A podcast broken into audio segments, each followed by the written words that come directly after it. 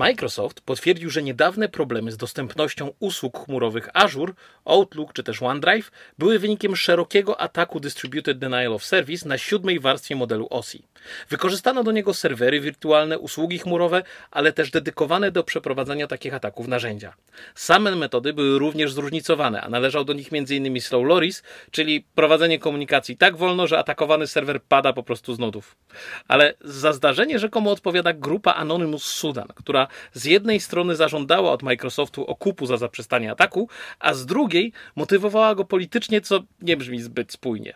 Między innymi dlatego też wielu ekspertów uważa, że Sudańczycy nie mają z tym nic wspólnego, a za wszystko odpowiadają rosyjskie grupy cyberprzestępcze.